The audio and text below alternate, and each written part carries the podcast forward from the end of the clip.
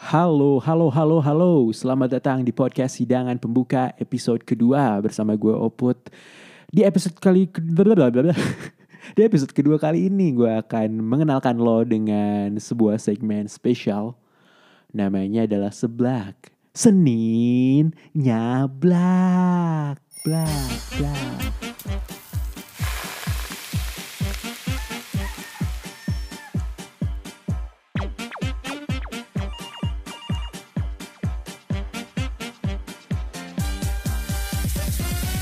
Seblak itu apa sih bro? Uh, seblak itu adalah sebuah segmen uh, di mana gue akan ngejamu Mas dan Mbak dengan topik yang sedang hot, topik yang sedang panas, topik yang sedang membara di media sosial. Sal, sal, sal, sal. Or at least sempat membara lah ya. Uh, ya, um, jadi apa yang sedang ramai di media sosial? Uh, kalau dari gue sih kemarin kan uh, naik bensin, naik harga BBM. Jam berapa tuh? 2.30 kali ya. Nah, gue punya pengalaman ngisi bensin di hari sebelumnya atau sebelum uh, diumumin naik sama pemerintah. Jadi waktu itu gue lagi ngantri malam-malam uh, di SPBU Ciwastra, Ciwastra Bandung Terus uh, ngantrinya panjang banget anjing Men menjalar sampai ke gang. Jadi masuk gang anjing ngantri di gang anjing bukan coffee shop hidden gem di gang tapi ngantri bensin SPBU Pertamax eh Pertalite di gang anjing. Itu panjang banget ya. Saat gue lagi ngantri nih ada mas-mas di belakang menggunakan uh, jaket warna biru. Gue nggak tahu itu jaket Persib apa bukan tapi jaketnya warna biru gitu. Terus mas-mas ini uh, mengeluarkan HP-nya dan dia mulai mengaji. Itu gue respect banget maksudnya lo dorong motor pelan-pelan gitu kayak kan maju nih antrian motor tuh dikit-dikit tapi kayak tiap 7, 7 detik sekali dorong motor gitu ya. Terus dia bisa ngaji dengan khusyuk gitu di HP-nya. Itu kayak anjing setengah setengah jam lebih kali. Dia dia dia dapat ngaji dia ngaji terus gue anjing respect banget sih dia dapat berapa ayat ya? Dan ketika gue udah nyampe banget nih ke depan mesin SPBU-nya dia dia masih ngaji dan baru baru sudah loh ketika gue nutup ini tangki tangki motor. Kayak ditutup dia sudah loh baru interaksi sama mas-mas SPBU kayak wow gila keren banget respect respect. Nah itu uh, topik tentang BBM ya. Uh, ya semoga uh, inflasi tidak terlalu parah lah ya naiknya amin.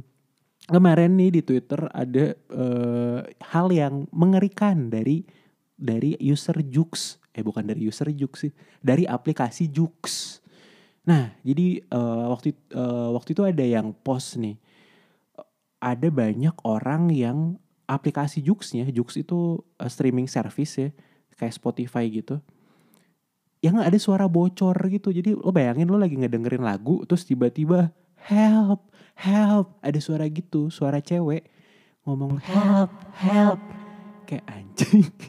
itu ngeri banget kan ya. Terus dia uh, nge-reply tweet apa threadnya gitu ini ada exhibit E exhibit B uh, exhibit C gitu. Jadi banyak banget yang merasakan hal yang sama gitu ya. Jadi anjing aplikasinya berhantu anjing. Kayak bayangin lo lagi dengerin Raisa gitu dia nyanyi nyanyi nyanyi terus ada yang minta tolong. Anjing serem banget. Tapi sebenarnya itu bukan hal yang mistis ya. Jadi uh, ternyata ada uh, iklan yang bocor di aplikasi Jux tuh iklan yang game-game gitu loh pokoknya ada cewek animasi dia minta ditolong gitu help help. Tapi suaranya tetap aja sih creepy soalnya ke distorsi gitu anjing. Serem banget deh. Itu topik kali ini kayaknya mau bahas yang serem-serem ya jadi tadi uh, harga bensin naik gitu. Ini aplikasi Jux bocor kayak suara setan gitu. Itu serem. Nah ini Selanjutnya ini ada topik yang tak kalah serem nih. Serem. Gue jadi cadel lagi. Ya itu adalah fetis serbet anjing. Mungkin lo tahun kema tahun berapa ya? Tahun, dua ada tukang roti lagi anjing. eh bakso tahu oke nggak apa-apa lah ya eh 2019 apa 2020 lo ada yang masih pada inget gak sih sama Gilang Gilang Gilang kain ikat. Apa ya namanya? Pokoknya Gilang uh, kain jarik. Iya kain jarik kain jarik. Jadi dia tuh apa ya fetisnya adalah me, me, me, mengikat korbannya secara penuh. Jadi kulit itu nggak ada yang nggak ada yang kelihatan sama sekali. Jadi kayak ketika korbannya terbungkus dengan dengan ketat. Dia dia tuh dia tuh horny anjing. Sorry banget gue bukan apa ya fetish shaming atau apa apa tapi anjing uh, lo bayangin jadi jadi dia ribet banget gak sih? Kayak dia dia tuh biar bisa terangsang tuh harus menutup korbannya secara secara penuh gitu kayak. Yang yang ini cukup aneh ya kalau biasanya tuh pelaku pekerjaan eh pekerjaan lagi pelaku pelecehan seksual gitu ya mereka tuh selalu pingin eh, pada umumnya gitu ya mereka selalu ingin nge, ngebuka uh, kain dari korbannya gitu. Tapi dia melakukan uh, reverse reverse pelecehan seksual gitu ya. Menutup korban-korbannya dengan kain uh, jarik anjing. Itu itu aneh banget. Nah, terus kemarin ada yang mengingatkan gue terhadap uh, kasus Gilang tersebut. Jadi uh, ada akun Instagram gitu. Nama akunnya apa ya? Tama Serbet at Tama Serbet. Nah, dia ini nge-DM cewek gitu. Uh, gue lupa tapi basically dia bilang kayak uh, Mbak uh, punya kain eh punya kain atau lap atau serbet yang ada di rumahnya dan udah kotor nggak? Kalau ada, saya beli. Nah, si si cewek ini yang ngepost screenshot percakapannya ke Twitter, uh, dia ngekepoin si akunnya. Terus akunnya tuh freak banget anjing. Jadi ada banyak apa ya potret, potret gitu, pakai kerudung, Terus instead of muka ada mukanya, ini enggak, ini ketutupan sama serbet. Anjing. Jadi mukanya ketutupan serbet terus pakai kerudung. Nah, foto-foto dia yang lainnya tuh di akun itu kayak gitu-gitu, kayak kayak gitu-gitu semua. Kayak dan dan setelah gue kepoin sendiri, si akun itu tuh di postingan-postingan awalnya dia jualan serbet anjing. maksudnya viral marketing gak gitu juga lah bro. Anjing dia ya anjing ada kan namanya sell apa ya soft selling gitu. Ini hard ada juga namanya hard selling. Ini apa anjing? Anjing. Gilang serbet gilang serbet oke okay, uh, eh, itu aja paling ya. Gue mau transisi ke topik yang lebih uh, apa ya jadi jadi jadi bahasan utama lah hanya di episode kali ini. Nah uh, ka, uh, kali ini gue pengen ngebahas tentang film Pengabdi Setan. Yang bikin ribut di Indonesia itu biasanya kalau nggak sepak bola ya penyelewengan dana. Kalau nggak penyelewengan dana ya artis ketangkap narkoba. Nah ini kenapa nih Kenapa sebuah film horor bisa bikin ribut satu jagat media sosial? Penasaran? Mari kita bahas di seblak seni nyablak. Oke, gue gak akan melakukan itu lagi. Maaf. Uh, serius serius. Kalau dari yang gue perhatiin ya, uh, ada suatu klaim yang sangat dahsyat dan cukup diributkan oleh netizen gitu ya Klaimnya apa? Klaimnya adalah Joko Anwar adalah anti-Islam. Anjing.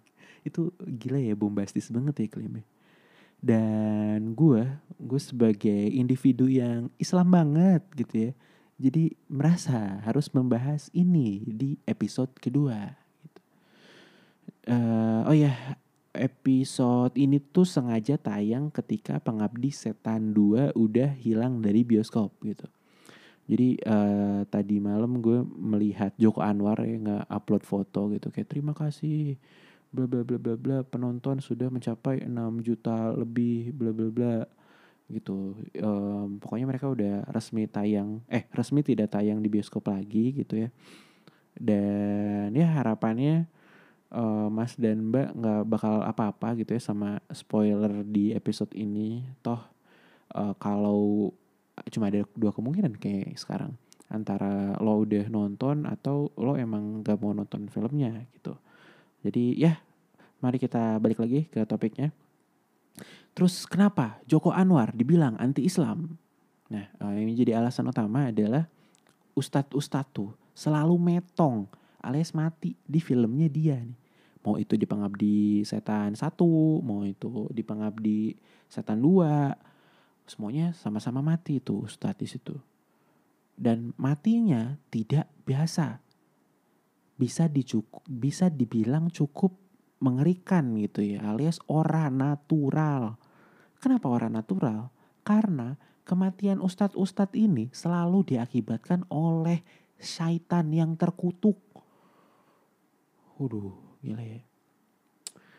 Ya uh, ya kalau lo mau ikut-ikutan bilang Joko Anwar anti Islam itu nggak apa-apa gitu. Tapi sebelum lo marah-marah gitu ya coba uh, lo jawab pertanyaan ini. Ketika lo beli tiket pengabdi setan di bioskop sebenarnya hal apa yang lo lo cari itu sebenarnya apa sih gitu Apakah yang lo cari adalah rasa ketakutan? Apakah itu? Atau yang lo cari adalah rasa validasi terhadap kepercayaan agama lo? Kalau gue ya, kalau gue nih, ketika pantat gue udah nempel di jok vario butut gue itu, jauh-jauh gitu kan, pergi ke bioskop buat nonton film horor, gue tuh dari rumah tuh emang udah punya niatan buat diinjek rasa takut sama filmnya. Gue pingin diteror gitu sama film horornya. Karena jujur gitu ya si rasa menonton film horor tuh membuat gue lebih hidup anjing. Mungkin terdengar lebay dan dramatis ya tapi jantung gue yang dipompa ketika lagi nonton film horor itu sangat menyenangkan gitu. Soalnya ya itu film gitu lo nggak ngalami itu secara langsung. Kita kan ada di back seat ya nggak di front seat. Mengalami itu secara langsung. Beda lagi kalau lo lagi pulang gitu malam-malam habis kerja di mobil lo. Terus lo ngelihat setan lo lo bilang astagfirullah terus setannya ngomong balik astagfirullah astagfirullah itu kan horor banget ya mohon maaf. Ya semoga uh, tidak ada yang apa ya pernah mengalami itu ya. Aduh gue jadi melenceng nih. Ini melenceng bentar ya maaf soalnya seblak seninnya belak. jadi waktu dulu temen gue di uh, ini di apa di bimbel gitu. Dia balik bimbel tuh pernah kejadian kayak gitu gitu. Dia bilang astagfirullah. Setan ini nembal balik. Astagfirullah, astagfirullah. Serem banget kan. Eh, gila. Oke, okay, uh, eh, maaf side stepping kita balik lagi. Jadi kan ketika kita beli tiket film horor gitu kan secara langsung kita udah punya niat untuk mendapatkan teror ya dari filmnya uh, akan menjadi sangat mengecewakan gak sih ketika ekspektasi kita untuk mendapatkan pengalaman tersebut terpatahkan gitu. Dan salah satu strategi yang dipakai oleh Joko Anwar di film ini tuh adalah untuk terus menghantui lo untuk terus meneror lo dengan menunjukkan tidak ada pahlawan di sini, tidak ada yang sakti-sakti. Ini pengabdi setan, bos. This is Indonesia. kayak kayak supir Bluebird gitu ya. Ya soalnya di film ini tuh adalah film yang meneror semua bangsa gitu. Teror adalah hak segala bangsa. BTW di episode ini gue tidak ada intensi sama sekali untuk mendiskreditkan kepercayaan siapa pun ya. Apa pun agama lo, gue beneran respect. selama lo nggak ngikat gue pakai kain jarik gue bakal respect lo gue di sini cuma ingin sharing aja dari kacamata gue orang yang beneran nikmatin film Pengabdi Setan 2 gitu ya tentang gimana caranya gue menyikapi film ini sehingga film berdura, berdurasi dua jam ini tuh bisa lebih mudah dinikmati gitu. Toh akan sangat buang-buang waktu banget gak sih ketika kita bayar terus duduk selama dua jam terus nggak bisa nikmatin filmnya? Itu bete banget kan kayak mending macet-macetan aja gitu ke puncak ya gak sih? Enggak ya gue cuma ingin mengusulkan ide aja gitu intinya itu kepada mas dan mbak pendengar siapa tahu bisa dipakai gitu ketika uh, pengabdi setan 3 sudah rilis gitu dan menurut gue buat bisa menikmati film ini ya khususnya lo bukan cuma perlu tahu motif sang kreator pada saat membuat film doang. Tapi lo juga harus satu halaman nih dengan motif beliau.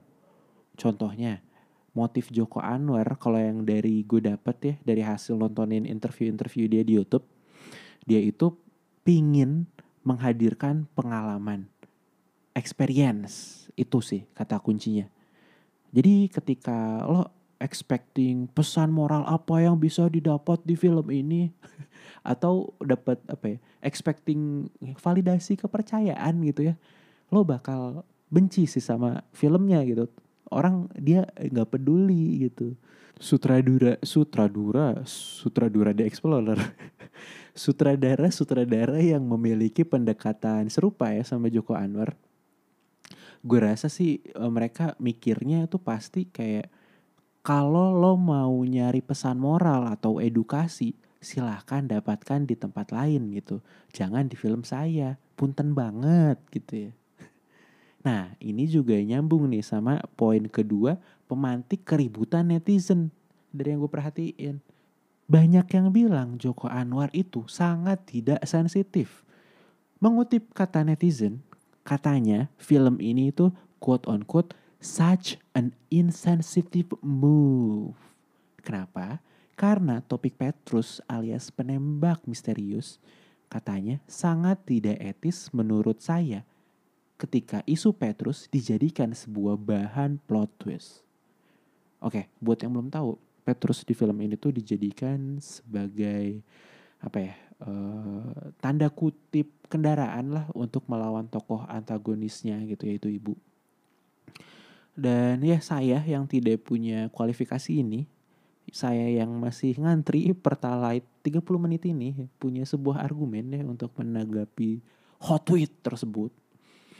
Yang pertama, maksud gue film ini tuh udah dibuka dengan puluhan pocong yang sujud di bosya gitu loh. Kayak ngarepin apa sih lu? iya sih paham gitu. Cuma apa ya, lo bayangin aja deh gitu. Bosya itu kan tempat yang indah dan menyenangkan nih bagi anak SD nih terutama kayak sekolah gue dulu gitu ngajak main muridnya ke Bosya kan gue dan orang-orang yang dulu sempet SD itu sebenarnya bisa aja ya bilang kayak ngapain sih Joko Anwar bawa-bawa Bosya tempat yang romantis dan punya nilai nostalgia sekarang hancur gara-gara kamu. Gue jadi ngebayangin pocong tiap ingat Bosya tai lu Joko. Such an insensitive move. Tapi enggak kan gitu malah dari situ kita kan jadi tahu gitu bahwa film ini adalah fiksi belaka gitu. Kayak nggak mungkin banget gitu. Film ini yang dari awal gitu udah ngasih sinyal ke penonton bahwa film ini tuh bakal se, -se ridiculous itu gitu. Akan menggunakan hal-hal yang ada di kehidupan nyata orang Indonesia gitu ya. Yang ada di realita kita. Dan akan mengubahnya ke dalam sesuatu yang lebih seram gitu kayak ya itu bangunan bosya yang dipenuhi puluhan mayat atau sejarah contohnya Petrus. Dan juga uh, balik lagi ustadz yang bisa modiar sama setan gitu. Meskipun se semuanya secara historis tidak benar gitu ya tapi kan kita dapat sinyal gitu kalau ini adalah fiksi gitu. Yang kedua, uh, eh, gue mungkin over simplifying ya. Tapi kan uh, ketersinggungan itu diambil ya, bukan diberikan. Maksudnya ketika orang bilang no offense, itu biasanya dijawab dengan non taken, ya kan? Ketika kita menonton film ini tapi menggunakan kacamata victim gitu, ya, gue rasa kita bakal cukup menderita sih. Filmnya akan tidak menggugah selera gitu kalau kita menggunakan kacamata itu ketika kita menggunakan kacamata itu uh, banyak hal-hal yang akan menjadi permasalahan gitu. Misalnya nih, mungkin lo dulu punya lukisan di rumah. Mungkin nilai lukisan tersebut hebat, besar, mahal, dan monumental gitu. Nah, terus mungkin lukisan itu pernah kecuri. Ya, lo akan ke-trigger ketika menonton mencuri Raden Saleh juga gak sih kayak semua semua film tuh bisa jadi problematik gitu kalau kita pakai kita nyari kalau kita nyorek-ngorek sih semua film kayaknya bakal jadi problematik deh. Uh, sisi terangnya ya si isu Petrus ini tuh secara langsung nih sebenarnya mengenalkan generasi-generasi muda ya gen jadi mereka mereka itu tuh kalau gue lihat nih di gue kan iseng-iseng ngetik di YouTube Petrus terus di video yang paling populer tuh di video paling atas gue klik. Terus gue lihat tuh komen-komennya. Nah mereka tuh pada laporan gitu di kolom di kolom comment section gitu. Siapa yang di sini datang dari pengabdi setan dua gitu. Terus oh iya baru baru jadi nyeri nyeri tahu gara-gara pengabdi setan dua gitu. Nah selain di YouTube gue lihat juga kan di Instagramnya Joko Anwar gitu. Nah anak-anak yang lebih muda ini tuh mereka jadi tahu juga mereka melakukan apa mereka menyatakan hal yang sama di kolom komentar Instagram Joko Anwar gitu. Eh jadi tahu tentang Petrus gitu.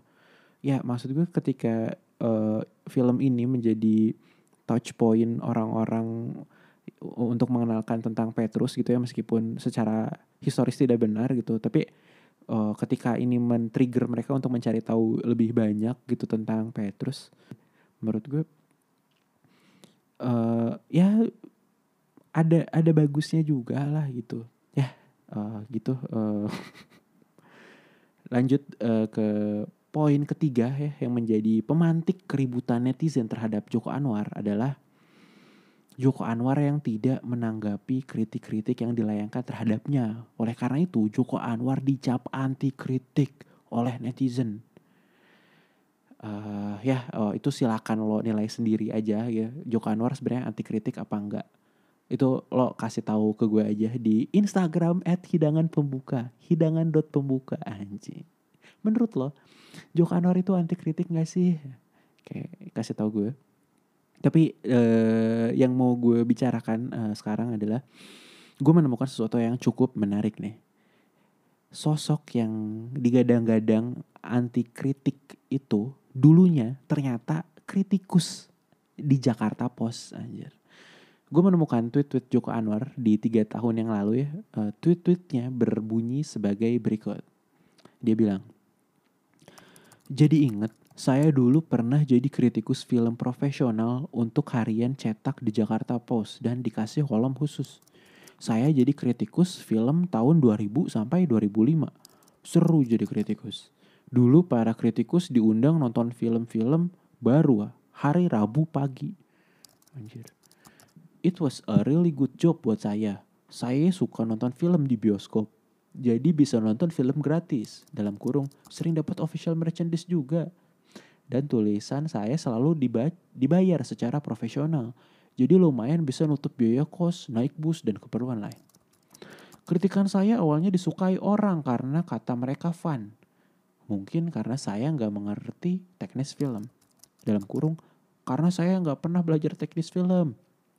Jadi saya coba menjelaskan apa yang saya maksud dengan bahasa yang sederhana. Saya berpikir, nggak apa-apa nulis kritik walaupun nggak tahu teknis. Yang penting saya menulis kritik dalam spirit cinta film. Merayakan film, anjing. Ini gue banget. Eh, apa iya? Nggak tahu. Oke lanjut. Saya nggak tahu kenapa, eh saya nggak tahu kapan semua mulai berubah. Mungkin saat ini kali bang, saat negara api menyerang, jah. Ya lanjut, aduh anjing, maaf maaf. Tapi tiba-tiba saya dikenal sebagai kritikus pedas dan kejam. Banyak pembaca saya yang menulis surat cinta di Jakarta, surat ke di Jakarta Post. Mereka bilang mereka suka review saya yang keras dan terasa lucu. Rasanya enak, bikin kecanduan. Semakin pedas review saya, semakin bersorak pembaca. Hingga akhirnya, saya ketika menulis review, cenderung mencari-cari kesalahan. Suatu Rabu, ketika akan menonton film, eh film ya, ada staf pemilik film yang datang ke saya bilang, selamat ya, kami sekarang udah punya Joko Anwar Haters Club. Anjir, wow. Dan itu bikin saya bangga, wah penting banget ya ada Haters Club khusus. Saya semakin ganas waktu itu. Saya merasa lebih pintar dari pembuat film. Film tadinya saya cintai, akhirnya cuma jadi punching bag saja atau bahan untuk terdengar pintar atau witty. Hmm. Tahun 2004, saya kehilangan kenikmatan untuk menonton. Like, so weird. saya kehilangan saat-saat saya dulu nonton untuk melakukan sebuah perjalanan spiritual. Masuk ke alam film tanpa jadi mean-spirited. Saya lalu sadar, saya tidak lebih penting dari film-film yang saya caci tahun 2004 itu juga saya berhenti jadi kritikus film. Saya merasa attitude saya terhadap film sesuatu yang saya cintai sejak kecil sudah berubah menjadi toxic. Hmm. Tahun itu juga saya memutuskan untuk menyutradai film to see what's it, uh, blah, blah, to see what's it's all about. Film itu berjudul Janji Joni. Sebelum syuting, saya merasa tak mungkin gagal. Saya merasa saya tahu film sering saya kritik kok gampang lah bisa hari pertama syuting saya tak tahu di mana saya harus meletakkan kamera tiba-tiba saya tak harus tak tahu harus membuat eh berbuat apa skip forward bla bla bla panjang banget soalnya ya pokoknya dia bilang di tweet akhirnya saat bekerja untuk di Jakarta Post sebagai pengulas film saya pernah merasa sebagai otoritas dari sebuah film karena saya merasa punya masa saya merasa self important Alhamdulillah di Indonesia seperti kasus ini tuh tidak pernah kejadian lagi. Hanya saya saja. Karena saya besar kepala. Anjir. Itu menarik ya uh, closingan tweetnya dia. Ya. Semoga kalau hidangan pembuka punya masa juga.